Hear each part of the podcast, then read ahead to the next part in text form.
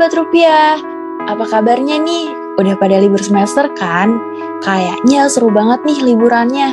Boleh dong kita temenin di podcast kali ini. Oke, teman-teman sekalian, di podcast kali ini kita bakalan diisi nih oleh anggota baru Gen UIN Jakarta. Yuk, bisa kali kita kenalan nih sama kakak-kakak yang cantik sama ganteng. Oke, mungkin bisa dari Kak Eksna sendiri.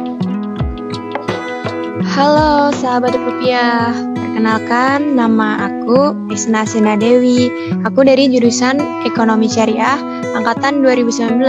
Kalian bisa panggil aku Eksna ya. Oke, halo Kak Eksna, apa kabarnya nih? Alhamdulillah baik. Bagaimana kabarnya nih Kak Bilkis? Oke, aku juga baik Kak Eksna. Bisa nih kita lanjut ke Kak Dania. Halo semuanya, aku Asyifa Dania dari jurusan Sosiologi Angkatan 2019. Kalian bisa panggil aku Dania. Oke, halo Kak Dania, salam kenal ya. Ya, salam kenal juga. Oke, satu lagi. Uh, salah satu cowok sendiri kali ya di podcast kali ini kita panggil Kak Reza. Halo, perkenalkan nama saya Muhammad Adi Reza dari Hukum Ekonomi Syariah, biasa dipanggil Reza. Terima kasih. Oke, tadi uh, kita udah kenalan nih teman-teman. Ada Kak Eksna, Kak Denia, sama Kak Reza. Nah, uh, jadi gini ya teman-teman sekalian. Uh, karena kan kita udah liburan semester nih, pasti ya dari kita kakak sekalian nih pada sering belanja dong, entah itu ke mall, ke tempat jajanan, atau mungkin uh, naik angkutan umum ya sekedar jalan-jalan aja. Nah, uh, aku pengen tanya sih, kan sekarang eh, yang kita tahu ya, sekarang sering banget nih kayak kita scan-scan barcode gitu. Nah, bisa kan scan-scan barcode itu kan ada kode-kode krisnya gitu dong. Nah,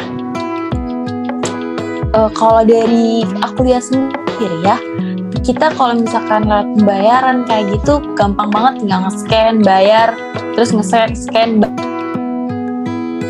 Nah, aku mau tanya nih, sama Kak Eksen sendiri pernah nggak sih punya pengalaman uh, memakai kris atau kita tinggal scan barcode kayak gitu? Oh tentunya pernah dong kak.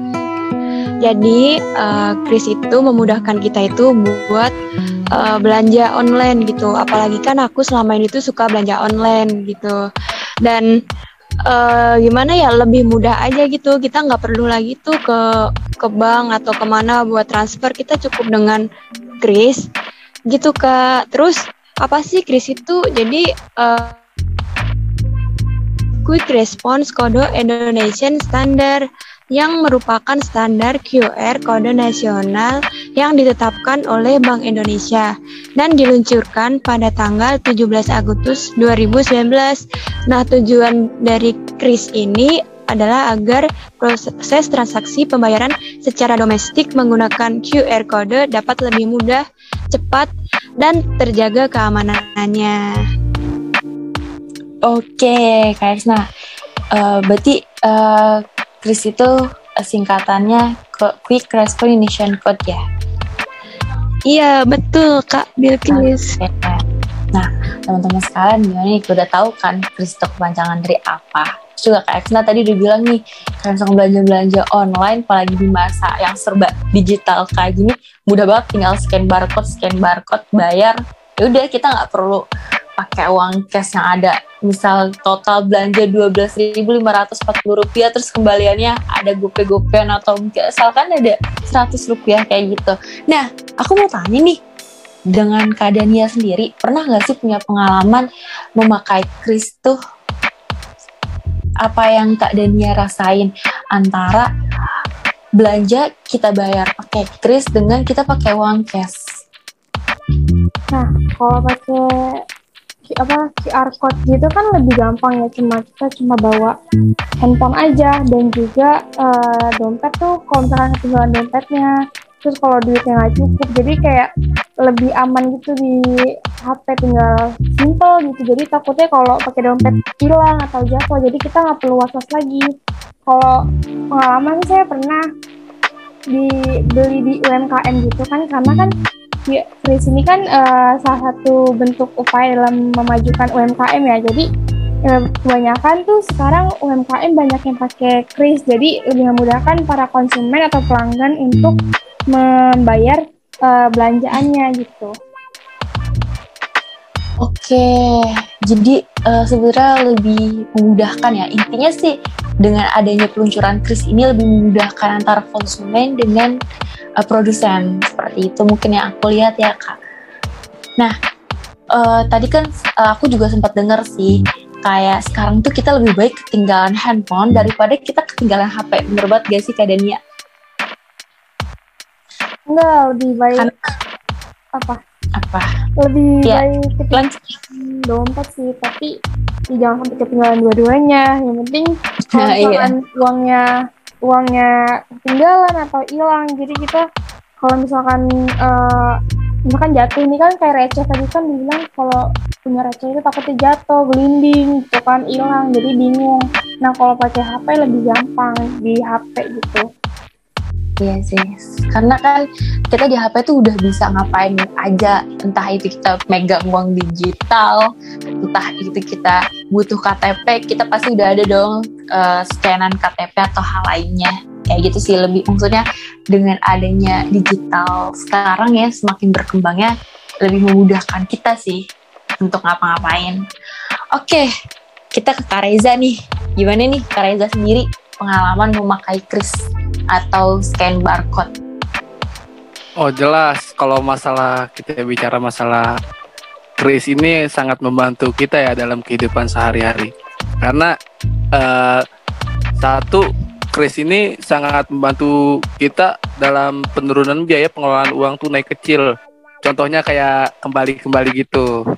Itu sangat membantu untuk kita terkait tentang pembelanjaan nanti di mana pun kita berada karena kita tidak perlu dengan adanya kembali-kembalian itu karena kan sering kita juga Kabilkis ya uh, yeah.